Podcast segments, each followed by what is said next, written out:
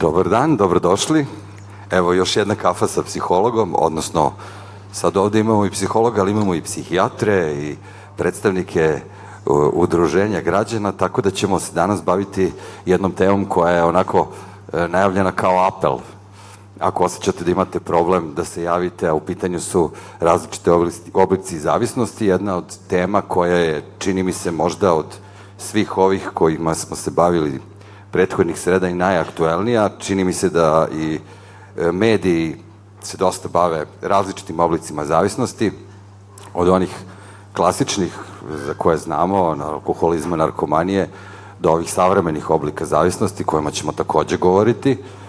Hvala vam što ste došli, zahvaljujem se uh, Hemofarm fondaciji koja iz srede u srede pokazuje stvarno označajnu potrebu, želju, inicijativu da se bavi važnim psihološkim temama e, koje su, čini mi se, još uvek bez dovoljno prisutnosti u našem društvu. E, zahvaljujem se naravno i ljudima iz Dorčev placa koji su nam ovde dragi domaćini. E, na samom početku da predstavim naše goste. Sad ćete vi da klimate glavama kao u kviskoteci kad vas ja najavim. Sa moje leve strane primarius doktor Ivica Mladenović, načelnik klinike za bolesti zavisnosti e, na Institutu za mentalno zdravlje. Ivica, dobrodošao. Hvala, bolje vas našao. E, kod doktora morate vrlo pažljivo da govorite titule, ja znam da su se oni godinama mučili da ih steknu, nije u pitanju sveta. Lepo si zanositi. Primariju specijalista psihijatrije Aleksandar Ramah, koji je ovako sa o, drugog kraja ovog troseda, čovjek koji se godinama bavi bolestima zavisnosti, to je ordinacija Rama koja je poznata već evo, dugo, dugi niz godina.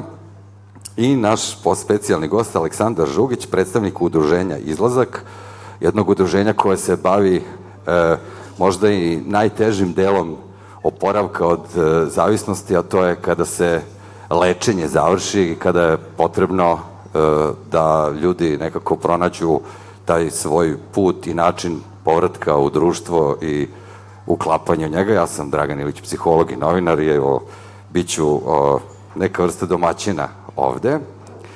Našu priču bih počeo jednim citatom koji mi se jako dopao, mislim da dobro opisuje temu.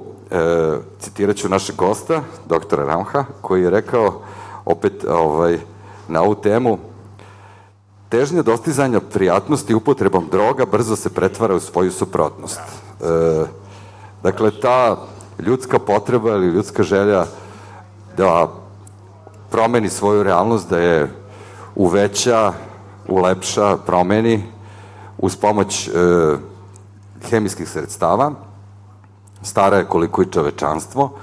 Mi smo e, danas u doba interneta došli do nekih drugih oblika nehemijske zavisnosti, e, kada su se pojavile zavisnosti od kocke, interneta, društvenih mreža, kako god želite. I one su možda danas još e, i zastupljenije i opasnije jer su nove e, i kao društvo još uvek nismo sigurni kako da izađemo na kraj sa takvim oblicima zavisnosti. Na samom početku bih vam recimo naveo primer koji sam čuo ovog jutra kada sam radio jutarnji program i ta vest koju sam čuo u 6 sati ujutru, a, sad ću da malo glumim novinara, ostavilo me stvarno sa upitnikom iznad glave. Kao što znate, pre nekoliko dana otvoren je deo autoputa kroz Grdelicu, jedan veliki uspeh, građevinski, neki će reći ovaj, jedna velika parada. U svakom slučaju, uh, jutro su koridori Srbije zvanično upozorili građane Srbije i zamolili zbog učestale pojave slikanja selfija u tunelu Grdelica dolazi do prekida saobraćaja i velikih problema jer e, e, u tunelu se pojavi alarm i onda služba za e, hitne intervencije dolazi tamo da vidi da li se desio neki sudar i po pravilu zatiču ljude koji su se parkirali u tunelu i slikaju selfije. U Srbiji smo, slična situacija se dešava i na onom uh, uh, velikom mostu iznad Vladičinog Hana gde ljudi staju onako potpuno ovaj, nebezbedno i slikaju selfije. To samo pokazuje jednu strašnu potrebu da budemo prisutni na društvenim mrežama i imamo tu ekskluzivnu fotografiju koja će nas učiniti popularnom ili popularnim da skupimo te lajkove i pokažemo da smo nešto bolji, lepši, što opet podsjeća na upotrebu droga, samo na nekakav drugačiji način.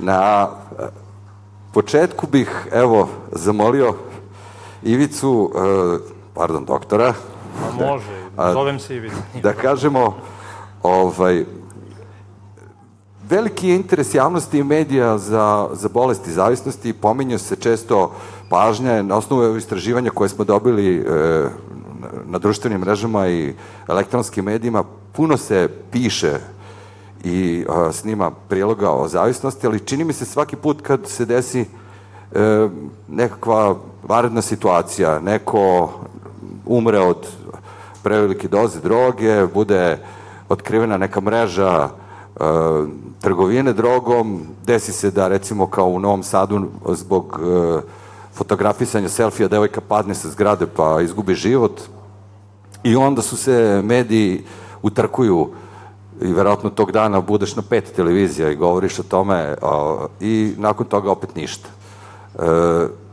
da li su, se ta ljudska potreba ili ta vrsta patologije ili zavisnost e, očigledno se menja u kom pravcu i da li imaš utisak da, je, da, da su različiti oblici adikcije u porastu ili su samo ovaj, promenila forma, a ostala ta univerzalna o, potreba da se nešto promeni u svom životu ako može odmah i što pre. Pa hvala na ovaj inspirativnom pitanju. E sad, u kom smislu inspirativno? Pa to je u stvari, ajde da krenemo od toga šta je zavisnost, šta je poenta zavisnosti. Poenta zavisnosti je beg od realnosti. E, gledajte, jako je mala verovatnoća da se neko navuče na bilo šta ako je on zadovoljan sobom, ako je on zrela, integrisana ličnost. I prva stavka kod zavisnika je da se radi o nezrelim ličnostima. Te nezrele ličnosti imaju čitav spektar karakteristika i kasnije ćemo verovatno malo više o tome, ali bez obzira koja je vrsta zavisnosti, uvek je tendencija beg od realnosti i izbor zavisnosti u stvari vezan, ajde da kažemo, i za nivo inteligencije, edukacija i za nešto šta je porodično, mi kažemo transgeneracijska transmisija. I onda ja kažem, ako je dede bio alkoholičar, otac će biti kockar, a unuk će biti zavisnik od interneta. Znači, zavisnički model nošenja sa stresom, dolazimo do suštine stres. Živimo u stresogenom društvu, živimo u društvu gde nivo zrelosti ličnosti ima tendenciju opadanja već 30 i kusur godina što znači da se sistem na svaki mogući način trudi da ima što nezreliju populaciju. Ako imate nezrele ljude, onda lako manipulišete sa njima. Međutim, ovaj drugi deo priče koji je vezan za učestalo zavisnosti je jako značajan i ja bih rekao nešto što se nažalost kod nas zapostavlja, to je da je alkoholizam već čitav niz godina, na kraju krajeva od 51. kada je zvanično definisan kao bolest, zavisnost broj 1.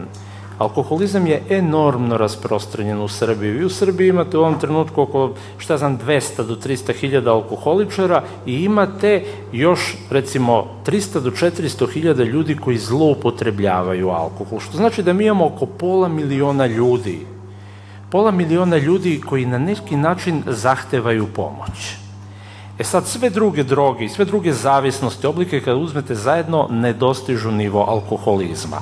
Kod mene na klinici se menja u stvari struktura onih koji dolaze i koji se leče. Pre 20-30 godina to su bili dominantni alkoholičari, sada su trenutno kockari.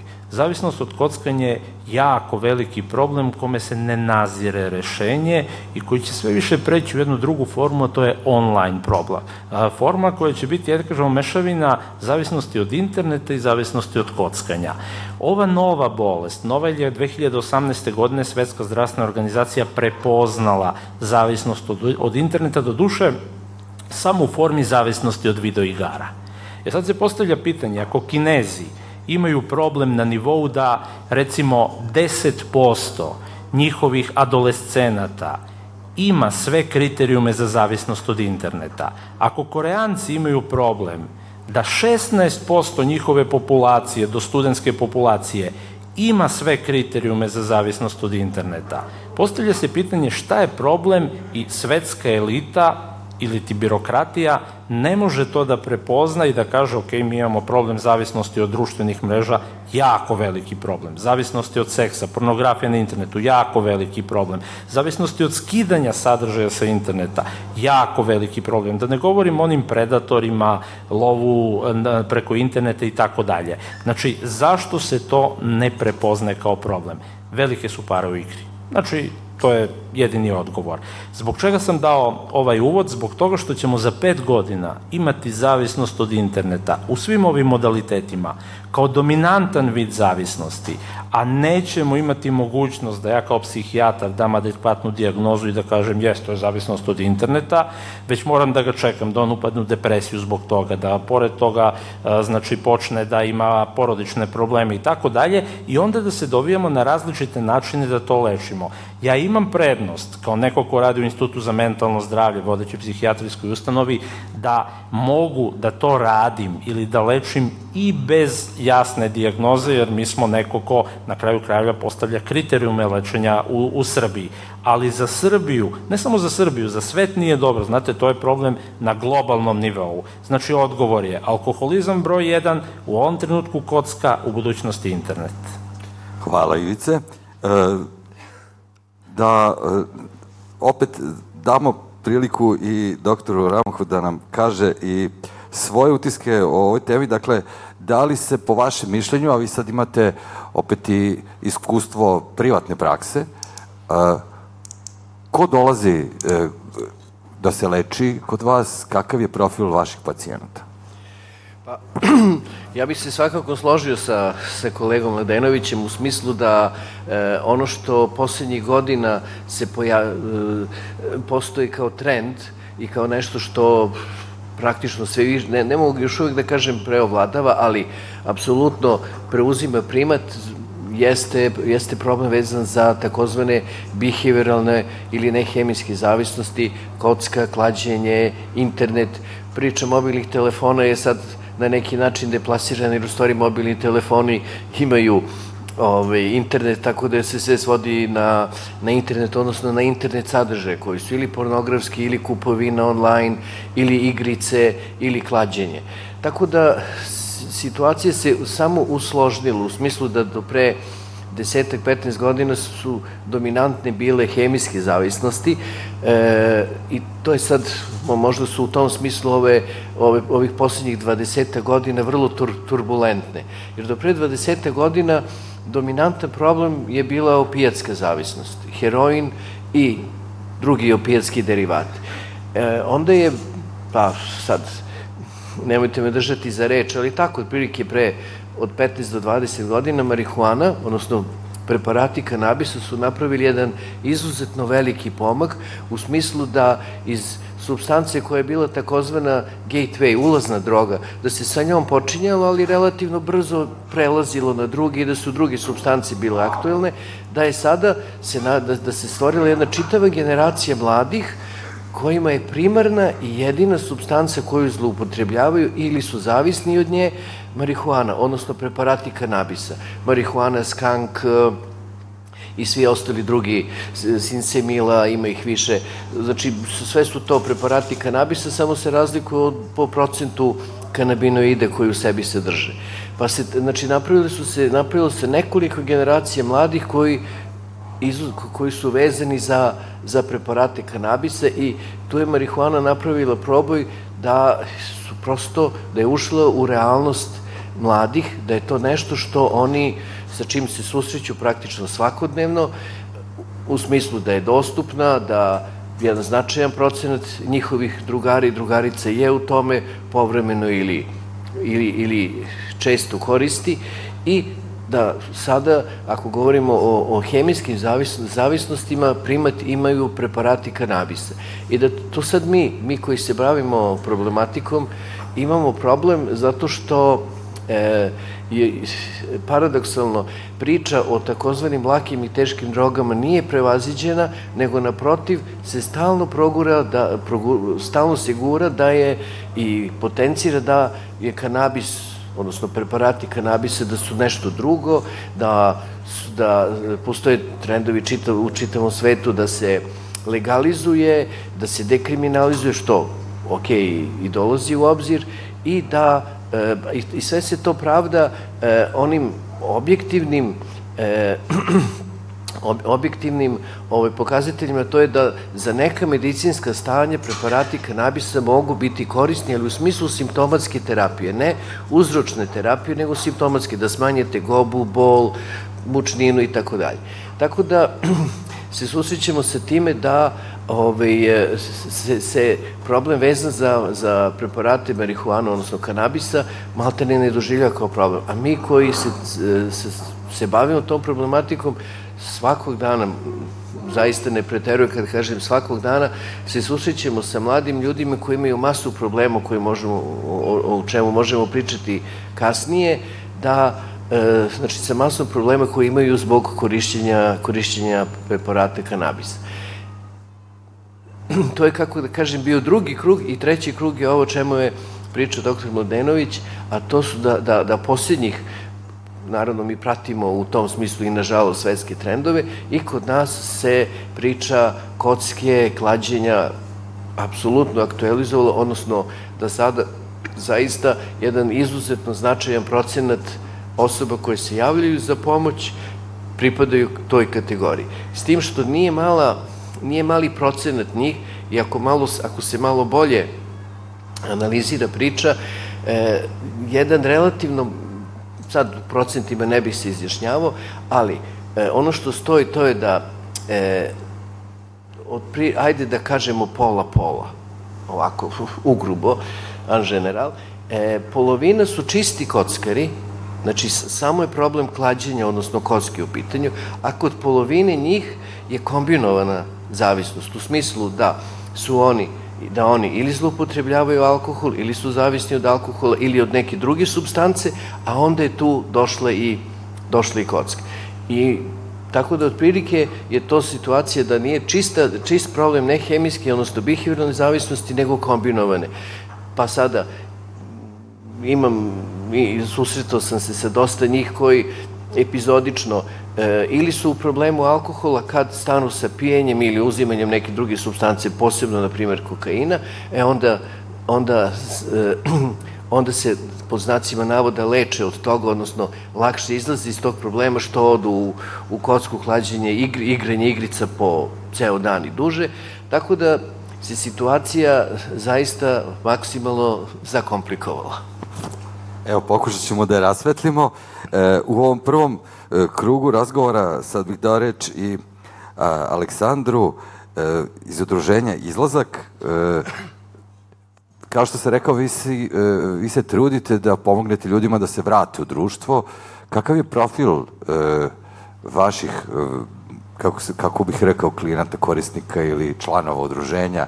O, vi ste pokušali na različite načine da ih pripremite za taj dolazak e, kroz e, socijalna preduzeća koja rade pruženje usluga. Ja moram da kažem da smo i toplo preporučujem ako imate neki star nameštaj u kući koji želite da e, kog želite da se rešite ili da ga možda reparirate, pronaći ćete na sajtu adresu, ako imate baštu, dvorište ili neki prostor koji treba da se dotara i sredi, takođe može da se ovaj pozovu ovaj, ljudi iz ovog udruženja. Dakle, možete da imate, e, i moram da kažem, vrlo su e, poslovni, korektni i moja koleginica Gorica i ja smo imali stvarno o, fantastično iskustvo, sad ću ku u teleshopu da vas reklamiram, ali moram da kažem da su, momci su bili uglavnom i da su bili o, vrlo, vrlo poslovni i, i sposobni, pretpostavljam da postoji neka vrsta nepoverenja kada ljudi dođu prvi put u kontakt s njima, ali to se vrlo brzo razbije.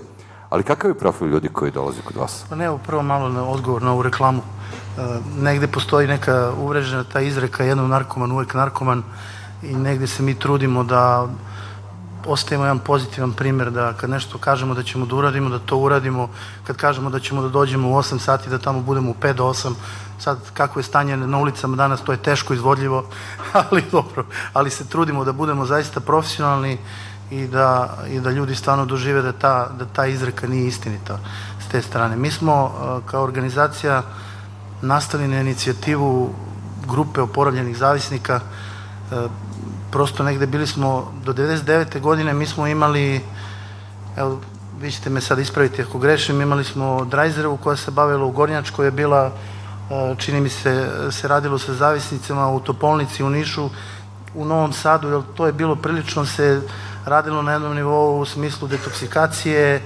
možda još nešto malo posle toga, ali nije bilo nikakvih programa šta posle toga. Negde do 99. su počele da dolaze prve terapijske zajednice u Srbiji, od 99. se otvorio uh, ovo raskrće u Novom Sadu, ja mislim, sa programom Teen Challenge, posle toga je došlo još nekoliko terapijskih zajednica i onda su ljudi počeli da idu tamo na rehabilitaciju te terapijske zajednice i jedna grupa mladih ljudi među kojima sam bio i ja je otišla na rehabilitaciju i onda smo se mi nakon rehabilitacije u mom slučaju to bilo dve, dve godine, neki moji prijatelji su bili malo duže, ali uglavnom smo se skupili i sad se postavilo pitanje šta sad? Šta sad? I mi smo formirali neku grupu samo pomoći gde smo se mi okupljali jednom, dva puta nedeljno, da na neki način ohrabrimo jedni druge. Onda smo izašli na ulice onako puni entuzijazma kao sad ćemo mi da ovaj, promenimo svašta, pa smo motivisali one naše poznanike koji su bili u problemu zavisnosti, da se oni uključe u neki program lečenja, onda u to vreme to je bio neki drugi period pre dolaska Global fonda i metadovskih centara i nekako je bilo to sve malo drugačije. Ljudi su ovaj, puno duže su bile te liste čekanja po terapijskim zajednicama tada. I uglavnom veliki broj ljudi smo mi motivisali da se uključe. E onda su počeli da nam se vraćaju ti ljudi. Sad se postavljalo pitanje šta s njima mi da radimo. Sad jedan sastanak, dva sastanka nedeljno je dobra stvar, ali to nije dovoljno. Sad opet mi nemamo nikakve mehanizme u državi nismo imali tada, nemamo ni danas suštinski za taj, za taj neki segment. Tako da smo mi počeli da razmišljamo o tom nekom socijalnom preduzetništvu, mislim da termin nije ni postojao tada, a, tako da smo i pokrenuli taj neki, a, e, po ugledu na švedske neke second hand shopove, pošto sam bio tamo, oni imaju ogromne neke hangare, imaju tu razvijenu second hand kulturu i imali smo neko vozilo, pa nam je to bilo nekako najpristupačnije, tu nema puno sad obrazovanih ljudi, ni školovanih, uglavnom znaju svi da nose, tako, da, tako da smo ovaj, to nekako uklopili. E, suštinski, tu je sad razni profil ljudi, imali smo od, od 19 godina pa do 60 godina otprilike. E, kako izgleda danas ovaj, e, grupa, koliko ljudi, ovaj, da, zaboravio sam da napomenem selidbe takođe. Da, radimo selidbe, radimo, znači prikupljamo taj polovni nameštaj koji repariramo ako se isplati, ako ne, nećemo ga reparirati.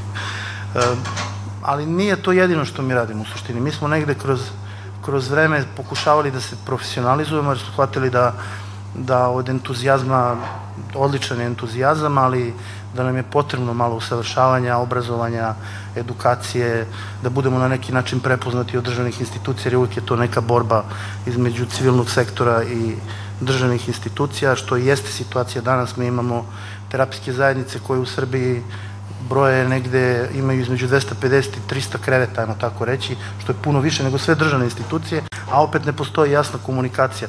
Pa negde na tom političkom nivou pokušavamo da se bar uvedu neki standardi, pa da ti ljudi mogu da se standardizuju i da budu prepoznati kao pružaoci usluga.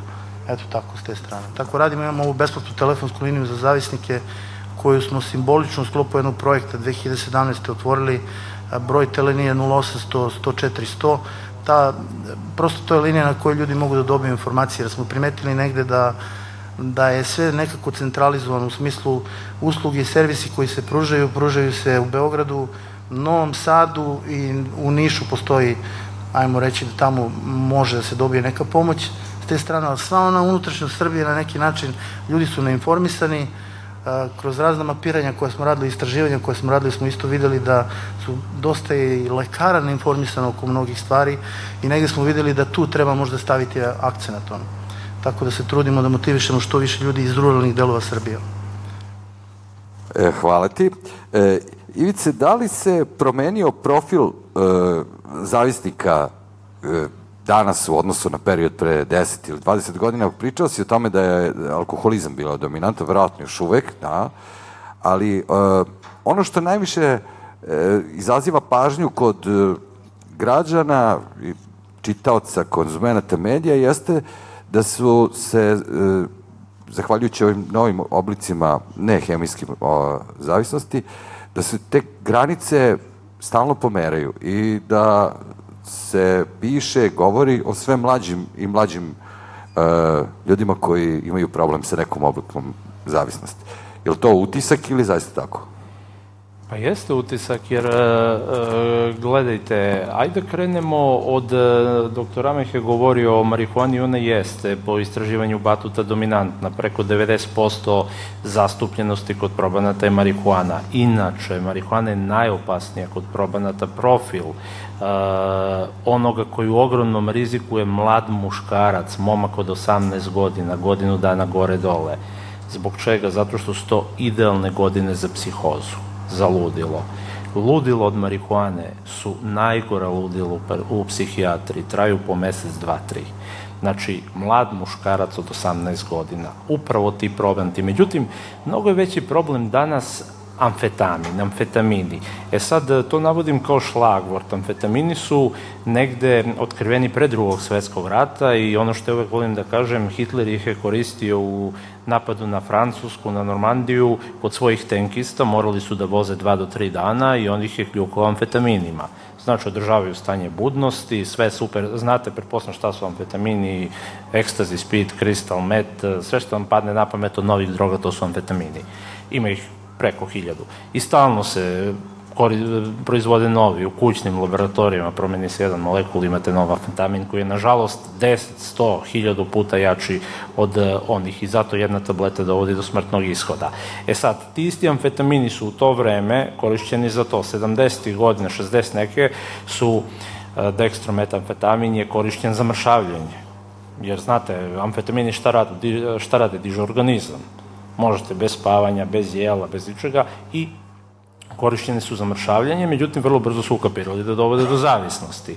E sad, koji je profil? Ajde se vratimo na gurua hipi pokreta čuvenog Timothy Lirija. E, čovjek nije bio neobrazovan, čovjek je bio profesor psihologije na Harvardu. Znači, čovjek koji je profesor psihologije na Harvardu je guru hipi pokreta, a, on je promovisao halucinogene, i praktično kupio je oko sebe grupu kolega, studenta, intelektualaca i ruku na srce, ako se setimo samo hipi pokreta, vidjet ćete da su to mladi ljudi koji su se bavili životnom filozofijom, pa je nešto bila ideja da se ode do Tibeta, da se poseti i tako dalje, Indija, i sve to onako lepo zvuči, sve je privlačno to e, ljudima. Koji je profil danas, da preskočimo tih 20... E, izvinice, e, ja nisam još tako mlad, 50 e, godina, dakle, u, u, u vreme e, mojih tineđerskih godina, to su tih 80-ih, e, uz upotrebu droga je išla i neka filozofija, dakle, to je bilo nešto što je bilo, kažem, šira priča od, od samo korišćenja droga. Iza toga je bilo to je išlo i uz određene subkulture, muziku, nekakav pogled na svet, neka životnu svest. Dakle, vrlo redko ili malo nije postojala ta vrsta zavisnosti koja je bila čista zavisnost bez uh, nekih pratećih životnih, uh, kako kažem, o vrednosti, sistema vrednosti, sklonosti, preferencija. Dakle, uh, mi smo došli do tačke kada imamo baš čistu zavisnost, smo, bez, bez nekakve prateće priče. Dakle, došli do tačke kad imamo ljušture, kad imamo ljude, mislim, cela ta priča, seti se Beatlesa, oni su proveli izvesno vreme u Indiji. Jedan moj pacijent, inače naš jako poznat uh, reditelj, diskriminisan 70. godina, sad je pokojni, odlično smo se družili, došao je kod mene, družili smo se deseta godina, bio je zavistan od alkohola i marihuane. Reditelj, jako poznat. Uh, ovaj, I on je rekao ovako, doktore, ja imam jako veliki problem sa alkoholom, ali ne dirajte mi marihuanu. To možda zvuči sad ovim ljudima kao nešto šta sad priča ovaj doktor, prvo je pričao o ovome, prvo o ovome. Uh, čovek je kod mene došao u nekim 60. godinama, jako očuvan i ja sam rekao, okej, sredili smo problem alkohola, on je i dalje pušio svoju marihuanu svako večer na terasi, zato sam i naveo primer. Uh, on je provao jako veliki deo života u Indiji. Tibetanska knjiga mrtvih je bilo obavezno štivo. Čitali su se razne knjige i raspravljalo se o životnoj filozofiji. I moglo je da ima pokriće. Znate, Timothy Leary nije bez veze ušao u tu priču. Ja, ja kažem jednu stvar, gledajte, Timothy Leary veliki, mogo je to da dopusti sebe kada je postao doktorirao, postao profesor na Harvardu. Ali ne bi doktorirao da je bio narkoman, je li tako? Upravo je to poenta.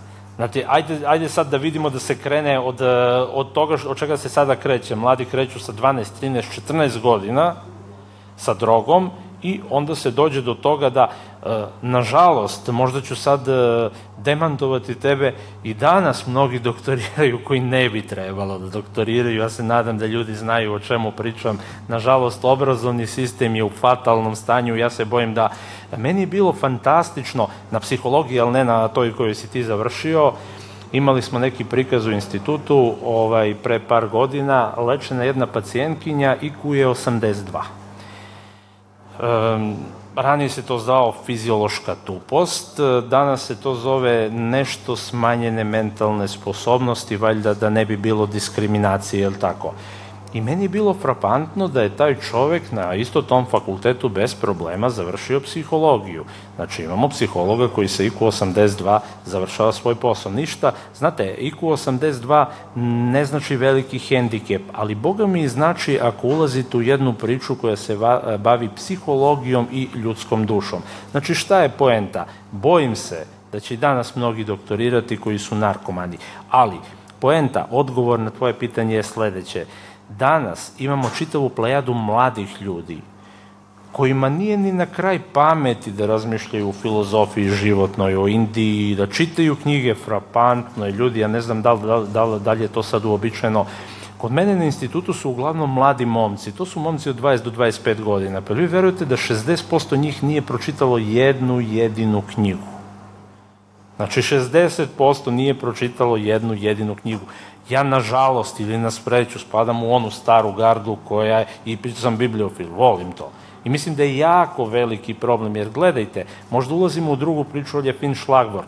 Mi danas 99% informacije, 99,9 primamo preko čula vida. I to, nažalost, jako limitira našu kreativnost. Sa čitanjem, vi imate mogućnost i imaginacije, i povezivanja, i sinteze, i svih onih logičkih operacija. Opet možda digresija previše... Izvinivice, da li onda tu, ti kažeš čitanje, e, kada smo jedne večeri ovde razgovarali o depresiji, e, jedan naš kolega je rekao, koji radi, e, terapeut je, da je jedna od prvih stvari koju, pre, pre stvari koje se pojavljuju na onom prvom razgovoru sa nekim koji ima problem, su poremeći sna, i poremeći koncentracije, što znači da nema čitanja. Dakle, ako, ako tu zavisno shvatimo kao neku vrstu ovaj, psihološke promene, nema tu Tačno znači ni sposobnosti da... To, i, to, to ima jako puno logike, ali jedan drugi problem, amotivacijani sindrom je jedan od najpoznatijih sindroma kod zavisnosti od marihuane. I uopšte, mladi ljudi, znate, nije to više depresija da su oni tužni, to je depresija bez vizije sebe, bez perspektive, ona prazna depresija, najgora depresija, gde je u stvari bitno da stalno budete bombardovani stimulusima, zato su po ceo dan mobilni telefoni, ovo što je govorio doktor Amah, stalno stimulusi, stalno stimulusi, bez obrade tih stimulusa, bez vizije sebe, bez anticipacije budućnosti, bez toga šta ću ja biti, da li vidim sebe za 15-20 godina. To je problem sa modernim zavisnicima u odnosu na onu priču o hipicima koju smo pričali. Hvala. E, sad bih hteo da kažem, baš došli smo do te tačke gde mislim da može, ovaj, možemo da čujemo i, i tvoje iskustvo. E, moj utisak je danas, ja sam i otac dva tinejdžera, da je uh, u razgovoru, kad danas izbor zavi, ili izbor zavisnosti, da li, da li tu biramo ili prosto potpadamo pod, ovaj, to je sad pitanje o strukture ličnosti, ali e, oni kažu da se danas po klubovima da je droga izbora ona droga koja je najjeftinija. Dakle, ovaj, ono što se danas može kupiti u klubovima da bude jeftinije nego piće. E, da li pamtiš razliku iz o, vremena svoje mladosti i današnjih ovih klinaca koji dolaze, leče se i dolaze po pomoć? Da li postoji neka razlika u tipu ličnosti? Pa, doktor je to sve jako lepo objasnio. Ja sam početkom 90. godina počeo isto sa tom ulaznom drogom, sa marihuanom, sa što moram samo malu digresiju da napravim. E, ta marihuana koju sam ja pušio pre 20 i kusur godina i taj vaš pacijent nije ista koja se puši danas. Znači to više uopšte ništa nije isto. E, I ja sam ušao isto na isti taj način u tu priču. E, živeo sam u istočnoj Srbiji u jednom manjem gradu i bila je tamo neka, ajmo reći, ekipa starijih momaka koji su meni izgledali kao neki, neka vrsta antiheroja, koji su slušali muziku koju, koju ja volim da slušam, bili smo pod uticajem, uticajem istih knjiga koje smo čitali i bilo je stvarno te neke više vrednosti u svemu tome. I na jedan način smo mi hteli da se, to jest ja sam hteo da se razlikujem od eh, svojih vršnjaka i zbog toga sam i ušao u ceo taj, taj problem. Međutim, kad je, su prošle neke godine, ono što si pročitao onu rečenicu, ovaj, to je uzelo svog maha i nije baš bilo lako izaći iz toga. Ali definitivno da odgovorim na, na tvoje pitanje, postoji, postoji ta razlika. Danas se živi puno brže, uh, puno brže, sve je na dlanu, znači sve ide prema krajnjem korisniku, sve je na dlanu. Uh, verovatno će doktor to stručnije da objasni, ali to utiče na naš mozak. Ja gledam, ja imam troje dece danas, uh, i gledam kako se oni ponašaju, ono ulaze, na već ulaze ovako mali, hoće da uzmu YouTube i da gledaju neke stvari, to nešto čini njihovom mozgu na kraju. To stimuliše neke Ti stvari. Ti prepoznaješ neku vrstu da, da, ponašanja, da? Da, da, prepoznajem. Prepoznajem. Tako da i ove generacije su danas potpuno drugačije. Znači, potpuno drugačije u tim nekim odnosima. Kakvi su ti momci koji dolaze, čini, mislim sad, od, uglavnom zavisnosti od sintetičkih droga? Da li postoji razlika? U, nemamo puno koji ulaze uopšte u proces resocijalizacije da su bili na sintetičkim drogama. Moje mišljenje je da ćemo prave posledice svega toga videti isto tako za nešto 3 do 5 godina. Znači prave posledice. A, heroinskih zavisnika ima sve manje, to je činjenica, to je veoma vidljivo. A, mi se šalimo nekad, ono, radujem se kad se pojavi heroinski zavisnik, znam šta da radim s njim. Do, mislim, u smislu, sad mogu nešto konkretno da radim sa njim. Znači, ovo je prilično jedna kompleksna situacija danas, ono i drugačije. Uh, Aleksandar, sad doktore, uh, vaš, uh, vaš utisak sad prema uh, ovim novim zavisnicima, kako izgleda lečenje od, recimo, kocke ili od zavisnosti od interneta u nekoj formi u odnosu na tu terapiju koja je recimo terapija lečenja od zavisnosti od heroina gde se znalo proces detoksikacije, pa nekakva ono, prva faza, nekih šest do dve godine, šest meseci do dve godine onog perioda takozvanog čistog, jel? pa onda još nekoliko godina adaptacije i povratka u društvo. E, jeste rano, problem je relativno nov, ali da li, da li je ovo, ovo lečenje komplikovanije? Kako, kako izgleda s, s, s, ovaj, odnos prema tom problemu u zavisnosti od savremenih oblika zavisnosti? Ja. Pa da, prvo da odgovorim direktno na vaše pitanje, a onda malo da se vratim na ovu priču, jer se stalno vrtimo oko tih, oko marihuane, novo dizajniranih droga koji su uglavnom iz grupe stimulusa, stimulansa, a glavni predstavnik je amfetamin, pa onda te nove droge u stvari, ili novo dizajnirane droge uglavnom oponašaju dejstvo amfetamina, samo što su mnogo, mnogo jače. Znači, to, je suština. I, znači, marihuana, novo dizajnirane droge i mladi jer nekako svi smo se složili oko toga da je ključni problem da danas mladi uh, na, na nižem uzrastu počinju da uzimaju i da su samim tim posledice mnogo, mnogo e, ozbiljnije nego kada neko Timothy Leary ili kogod sa 30-40 godina prođe. Samo bih tu odsjetio, na primjer, e, ajde, ajde da, da, da odgovorim direktno na vaše pitanje, pa posle možemo eventualno da se vraćamo na ovo. E, osnovni principi tretmana ili lečenja ili kako god da nazovemo su, su isti. E, zato što i hemijske i nehemijske zavisnosti e, njihova suština i mehanizam dejstva je da su, e, ak, ajde da tako kažem, aktivirani centri za nagradu, za prijatnost e, i da onda e, osoba funkcioniše isključivo po principu zadovoljstva.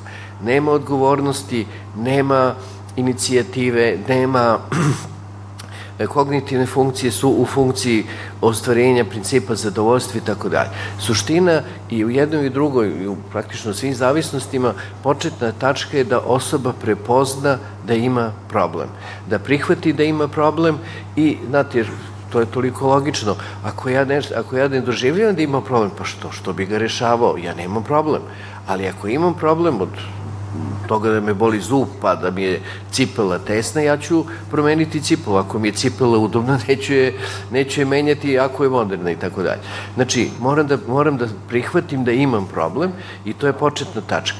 E onda dalje se ide ka ovaj, e, čitav proces rešavanja problema ide kroz nekoliko, kroz nekoliko faza, kažem, ja sad vas ne bi zamarao tim stručnim nazivima i, da, i detaljistao kako to ide, ali znači početna tačka je prihvatanje, odnosno rešavanje problema.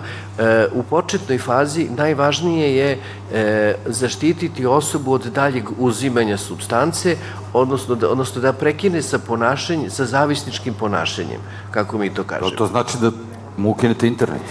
Šta da? Da mu ukinete internet? Pa, znate kako, u krajnjoj liniji to ako je zavisnost od interneta. Odnosno, da se jasno definiše e, sam internet po sebi, ako govorimo o njemu, nije problem, naprotiv, nema maltene niko od nas e, to je redko kog dana se ne oslonimo na internet od e-maila pa, na, pa, do, pa do toga gde možemo da kupimo neke karte, hranu, šta god. Znači, internet je nešto što je korisno, odnosno sadržaj interneta. Ali, ako ja ostanem na internetu 12 sati, 15 sati, ako ne idem, ako ne idem do WC-a, nego pored sebe stavim flašu od litar i po da bi mogao u tu flašu da uriniram, jer nemam vremena da odem. Ako u sve to povremeno uzmem nešto ne, neku substancu da bi mogao da ostane budan i tako dalje, onda je to sasvim druga, druga stvar. Znači da se prekine sa zavisničkim ponašanjem. Da li je ono uzimanje substance ili je igranje igrica, da se u naj, najvećoj mogućoj meri praktično prekine sa tim. Tu sad postoje strategije, takozvane, takozvana prevencija recidiva, prepoznavanje faktora rizika, potenciranje s druge strane preventivnih, odnosno protektivnih faktora, uključuje se porodice, porodica ili, ako, ili partner, partnerka, jer opet je poznato ako osoba ima više e, tačaka oslonca da će la, lakše izaći iz problema. Znači, u toj prvoj fazi se ide na preki zavisničkog ponašanja, osvešćivanje koji su to sve elementi zavisničkog ponašanja, jer veoma često osobe i ne prepoznaju e, na koji način su izmenjene i po pitanju ponašanja, ponašanja načina razmišljanja, e, osjećanja. Veoma često dođu i kažu, ja, ja sad osjećam, ja sad ne znam šta je, sve mi je pojačano, jer su bili kao pod staklenim zvonom ako su bili u hemijskom obrazcu. Ili s druge strane nema pritiska ako je kocka u pitanju stvaranje uvek, odnosno obezbeđivanje dovoljne količine novca da bi se moglo da igra i tako dalje. E, kažem, nisu ni svesni, ima tu i anegdotskih situacija na koje sve načine e, klijenti prepoznaju koji su to sve elementi takozvanog zavisničkog ponašanja. Manipulisanje, laganje, e, negiranje, e, racionalizacija, socijalna komparacija i tako dalje i tako dalje e, da se, da se da prepozna sve te elemente i da se zaštite, e onda dalje se ide, dalje ide ka, ka tome, a nekada u nekim situacijama osobe iz nekog problema uđu u hemijski obrazac ili problem kocki neuzvraćena ljubav, disfunkcionalni porodični odnosi, nekada neki psihijatrijski poremećaj ili bolest i onda se, onda se time počinjemo da bavimo šta je, šta je iza te priče tog manifestnog problema zavisnosti. Pa se onda time bavimo. Sve to zahteva vreme, e, jedan integrisan pristup, zato je lečenje ili rešavanje problema dugotrajno. Kad govorimo o bilo kom reša, o, o rešavanju bilo kog problema zavisnosti, mi ne govorimo o danima, nedeljama, pa čak nije o mesecima, nego pre o, pre o godinama. Od godinu pa na, od godinu pa na više. Jer ako neko abstinira, ne kocka se ili ne uzima substancu mesec, dva, to je sa, naš, sa tačke gledište izlaska iz problema suviše kratak period. Naravno da je dobro što je, ali je suviše kratak, kratak period. Tako da, e, kažem, postoje, postoje modaliteti rešavanja problema, zna se, postoje faze, etape, kako to, kako to ide. E, ono što bih još naglasio, to je da u nekim okolnostima e, odnosno da ni jedna zavisnost se suštinski ne, leč, ne, ne rešava lekovima. Lekovi su ako uopšte ih i koristimo, uvek u drugom planu, više kao neka vrsta podrške, zaštite, a ne nešto što suštinski rešava problem i tu nekada ne nalazimo razumevanje posebno članova porodice jer njima e, porodica e, razmišlja da se instant reši problem. Zato nekada e, idu i na neka, da tako kažem, sumnjiva lečenja koja, koja nude instant, instant rešenje, brzo, lako i jednostavno. Ništa u životu nije lako ni jednostavno, ništa se ne rešava na lak način, rešava se na pravi način, a koji je, a koji je često, govorimo, od spremanja ispita pa nadalje, rešava se na pravi način, a to često zahteva veliki napor i, i, i vreme. E, samo bih napravio malo, malo digresiju, mislim da je ovo što je rekao Aleksandar strašno važno. E, e, često se to zaboravlja. Marihuana pre 10, 15 i 20 godina ili preparati kanabisa i ovi danas, to su dve potpuno različite stvari. Današnji preparati kanabisa su od 3 pa do 10 puta nekada i više jači nego onda. Procenat tetrahidrokanabinola i drugih kanabinoida, imih 60 je u onoj marihuani bio 1, 2, 3, 4% u vrh glave. Danas ide i do 15%, čak i 20%. 20%. E, efekti su mnogo razorniji nego nego što su bili. Ono što je isto problem, ako govorimo konkretno o marihuani, e, to je, marihuana je, da kažem tako, tihi ubica. On je kao jedan piton koji, on je kao jedan piton koji nas polako steže i na kraju stignemo do toga da ne možemo ni, ni malo da udahnemo ni da izdahnemo. E, u, tome, u tome je problem marihuane. Posledice nisu jasno vidljive, ali su razornije e, na, duge, na duge staze osim u situaciji o kojoj je opet pričao e, dr. Mladenović, a to je kada se javi epizoda ludila i te, i te epizode ludila su zaista veoma, veoma dramatične i e, opet imamo tu dve, dve, dve mogućnosti, odnosno dve opcije. Jedna je da e, sama marihuana izazove, toksičnu, toksičnu takozvanu toksičnu reakciju, odnosno da izazove e, epizodu ludila, veoma, a s druge strane da nešto što je ležalo da bude da okidač da, za, da bude okidač, znači možda se nikada ne bi okinulo, možda bi se okinulo u 40. 50. godinama, ali marihuana to izvuče na površinu u 18, 20 u 20. godinama. Kažem, možda se nikad ne bi, nego to je samo jedan potencijal koji se u određenim okolnostima može ovaj, iskazati, odnosno pojaviti. A marihuana to izvuče, izvuče na, na, na površinu i onda zaista su ovaj, problemi veliki. Samo još evo jednu rečenicu, zašto iz druge strane e, marihuana kod mladih izuzetno problematična? Zato što Znate, mi ne pričamo bajke. E, zna se sa jedne strane e, kako i marihuana i bilo koje druge droge deluju. Tako što menjaju rad našeg mozga. Utiču na, neuro, na receptori i na neurotransmitere. I tu nema nikakve misterije niti, niti e, magije u celoj toj, u celoj toj priči. Kad e, posebno preparati marihuane na mlade deluju pogubno zato što e, oštećuju dva bitna procesa kroz koja mozak treba da prođe u periodu adolescencije. Jedan proces je definitivna mijelinizacija. Znači, da uprostim, da naši nervi dobiju omotač i da onda može nervni impuls da ide kroz nerv. Proces mielinizacije biva značajno oštećen. To je ona usporenost koja se vidi kao... Prosto signal se izgubi, umesto, znate, to je kao kad bi imali ovaj... Uh, Kablove bez kabel, Kabel za struju bez izolacije, znate, prosto ta struja bi negde otišla, ne bi stigla tamo gde treba da stigne. Isto tako nervni impuls.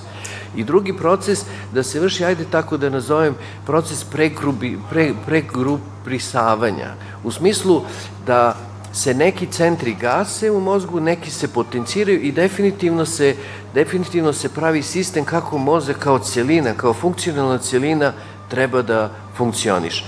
Marihuana to izvitoperi, e, poremeti taj proces taj proces pregrupisavanja, da ga tako nazovemo.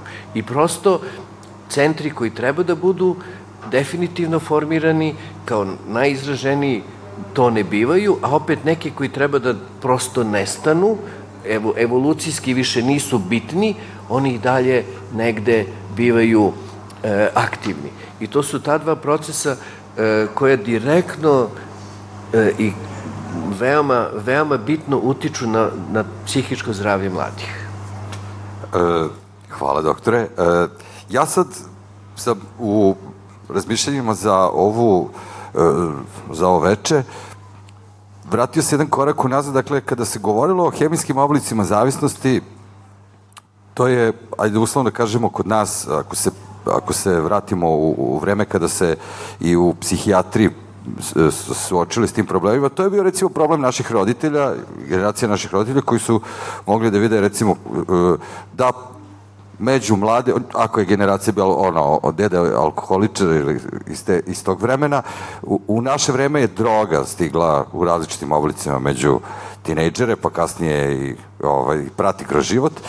Naša generacija se susreće sa jednom drugom oblikom zavisnosti kod naše dece, to su ne hemijske oblici zavisnosti, to su ove savremeni, uh, savremene adikcije na video igrice, internet, YouTube, uh, to u praksi izgleda tako što danas tineđere, to znam i u kući, vidite sa slušalicom u i mobilnim telefonom, kada ručaju, kada uče, tu je uvek ili ekran kompjutera ili mobilni telefon. E, posebno je dramatično, evo, nedavno mi je uh, jedna specijalistkinja, oftalmolog za decu rekla da ima ozbiljan problem kod e, dece predškolskog uzrasta zbog gledanja u mobilne telefone, jer mobilni telefon je sad onako da se dete smiri, pa mu na noše staviš mobilne ruke, on gleda crtane filmove ili YouTube ovaj, video uh, klipove, dolazi do poremećaja u razvoju oka, dakle do spazama mišića i veliki broj klinaca dođe u situaciju da ima oštećen vid pre nego što krenu u školu, što je, kaže, već dobilo razmer epidemije. E, sad smo se našli u toj situaciji koju su se našli naši roditelji i njihovi roditelji kada su se suočili sa nekim oblicima adikcije, kako da e, toj deci, samo da kažem, radi se o generaciji klinaca koji su danas tinejdžeri, koji su, eto, neki, ovaj, kaže, kažete, dođu u dodir sa marihuanom, to je droga izbora ili najčešće droga među mladima, pa onda ove uh, amfetamini, njihovi derivati, oblici. To su deca koji su prvo naučila da pišu na računaru, pa tek onda olovkom. Znači, to je generacija moje dece. Koja sabira bez digitrona. Koja, uh, uh, za koju je ekran uh, sastavni deo života.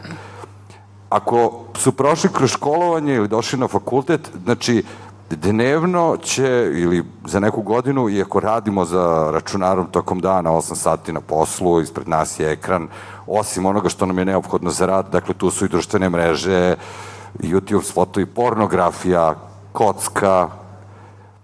E, I sad sam ja opet kao raditelj došao u gotovo nerešivu situaciju, dakle šta je to što je upotreba interneta koja je potrebna danas, jer možda za neku godinu više neće imati ni knjige, nego će dobiju tablet sa kompletnim ovaj, učbenicima.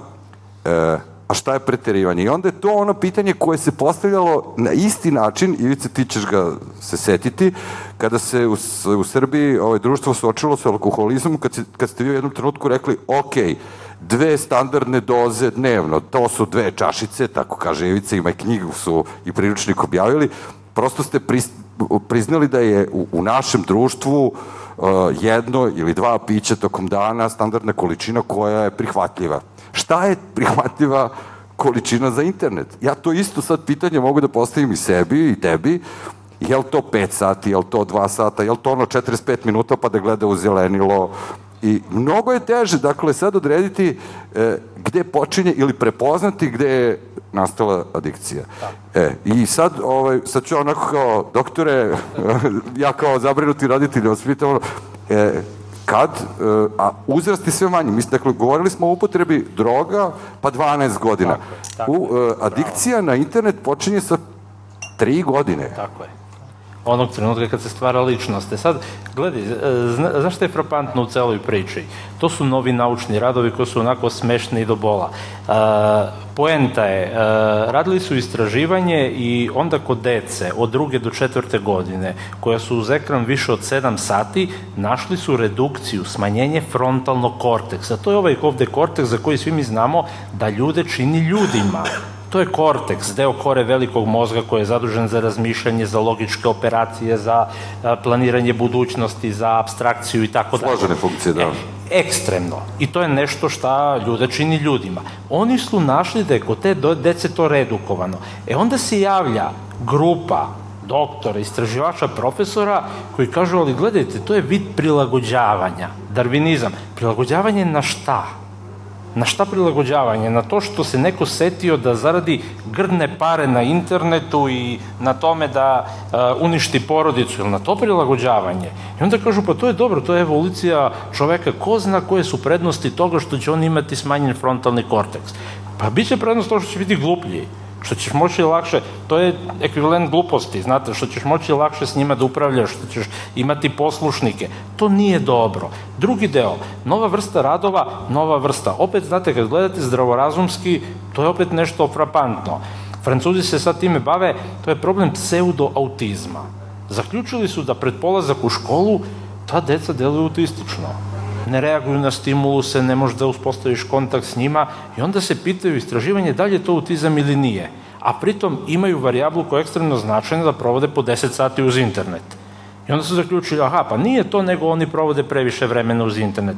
Ja se bojim da smo mi u situaciji koja je onako nerešiva. I stalno malo čas smo sa kolegom govorili o islamskom modelu. Doduše, oni su ga primenili za alkohol i za marihuanu. Imali su jako veliki problem. I uopšte te nordijske zemlje, to je interesantno. Ja sam radio jedan projekat sa Fincima, imaju strašan problem alkoholizma. I odlične projekte su razvili, mi smo jedan projekat implementirali, ja ispred instituta pre jedno deseta godina u Srbiji. Ali, šta kaže islamski model? Kaže da ti u stvari treba da se vratiš porodici. To je poenta. Ne treba puno logike. Znate, uh, ja verujem da ću sad reći nešto što će možda i pokrenuti ljude na diskusiju, a to je uh, šta radi sistem danas? Sistem danas uništava porodicu. Ja neću reći šta je normalno. Jako se kao psihijatar uh, čuvam da normalizujem ili kažem šta je normalno. Jer znate, normalnost potiče od reći norma.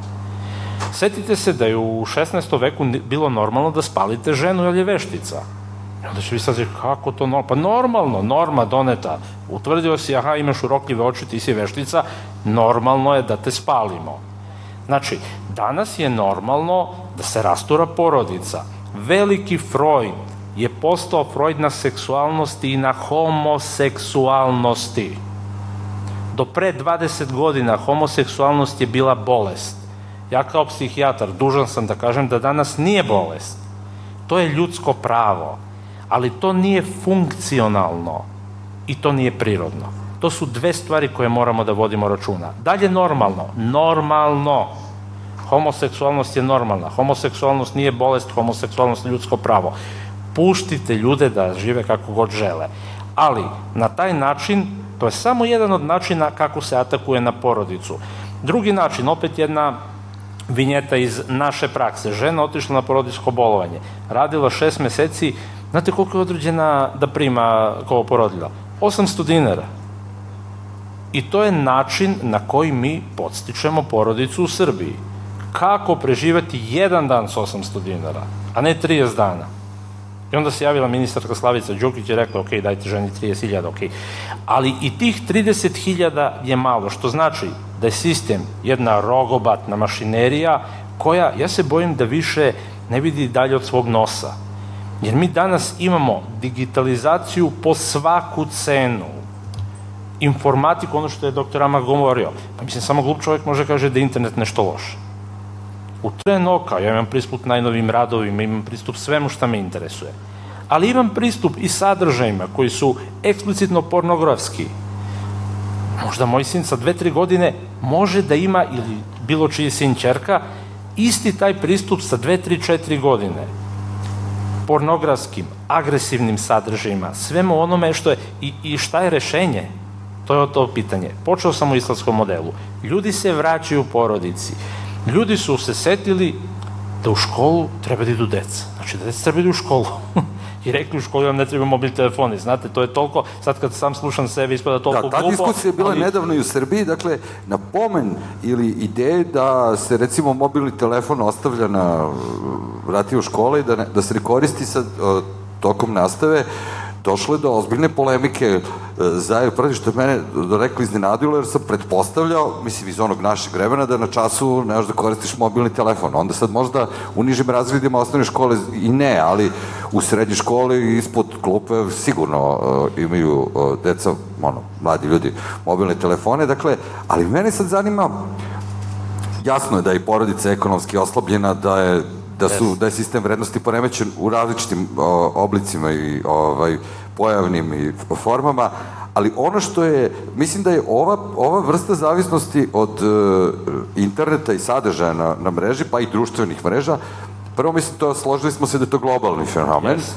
jest. I e, sad, e, mi dolazimo do one tačke kada ste vi propisali dva pića dnevno. E, e dugujem odgovor na to pitanje. Da, šta bi to značilo i da li uopšte moguće da postoji, da napravite postoji, ekvivalent? Postoji, postoji. Malo što sam rekao, a, Svetska zdravstvena organizacija je 18. jula 2018. godine proglasila svečano novu bolest, a to je zavisnost od videoigara ja sam apsolutno zadovoljan, čestitam im na tome, ali smo propustili celu onu drugi, drugi spektar, socijalne mreže i sve ono šta, šta postoji. E onda su oni rekli, za video igre, znači samo za video igre, sat do sat i po dnevno, ne više od 10 sati nedeljno. Govorimo samo o video igrama. Onda zamislite nivo licemerja kad kažu, ali gledajte, ako je to u svrhe usavršavanja, bilo šta, vi možete i ceo dan da provedete na internetu. znači, pare su, pare vrte. Ja mislim da i poslodavac je... nema odgovor na to pitanje, ono, što ukidaju Facebook po firmama, ono, da, znate, ono, kao, pa ne može Facebook u firmi. Izvolite. Pa, ja bih se samo nadovezao kratko. Ovi, veoma je teško odrediti i, i ovo što je rekao Ivica, postoje neki, eto, to je neki najnovi standardi. E, u jednom širem smislu, e, generalno u životu, jeste važno naći meru. I onaj ko pronađe meru, on je, on je zadovoljan čovek, on je, on je rešio, on će voditi dobar život, da tako kažem. Mera između principa odgovornosti i principa zadovoljstva balans. To je ono što obezbeđuje kvalitetan, pun život. Tako isto naći meru i u korišćenju interneta, korišćenju alkohola, mnogih drugih stvari jeste, jeste nešto što je suštinsko i važno, a naravno nije ni tako lako. Koja je to prava mera? Eto, Svetska zdravstvena je rekla tako, desetak sati, nedeljno, znate, e, mislim da je iluzorno da u današnje vreme govorimo da, da, da zabranjujemo mladima korišćenje. E, kao, znate, opet, e, ključno, e, ono što je iz druge strane bitno, to jeste jedan vid represije, zabrana.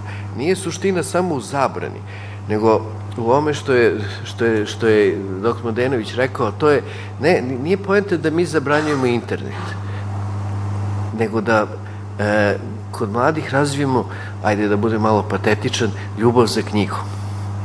Da shvate da nije sve internet da postoji knjig, ok, postoje elektronski, ovi, elektronske knjige, ovi, kako se zovu sad mi stane mozak, ovaj, Kindle, elektronska forma, ali čitanje knjiga, druženje i tako dalje, da razvijemo, da im, da, im, da im pomognemo da razvijaju i neke druge veštine, druge, da se fokusiraju na druge stvari.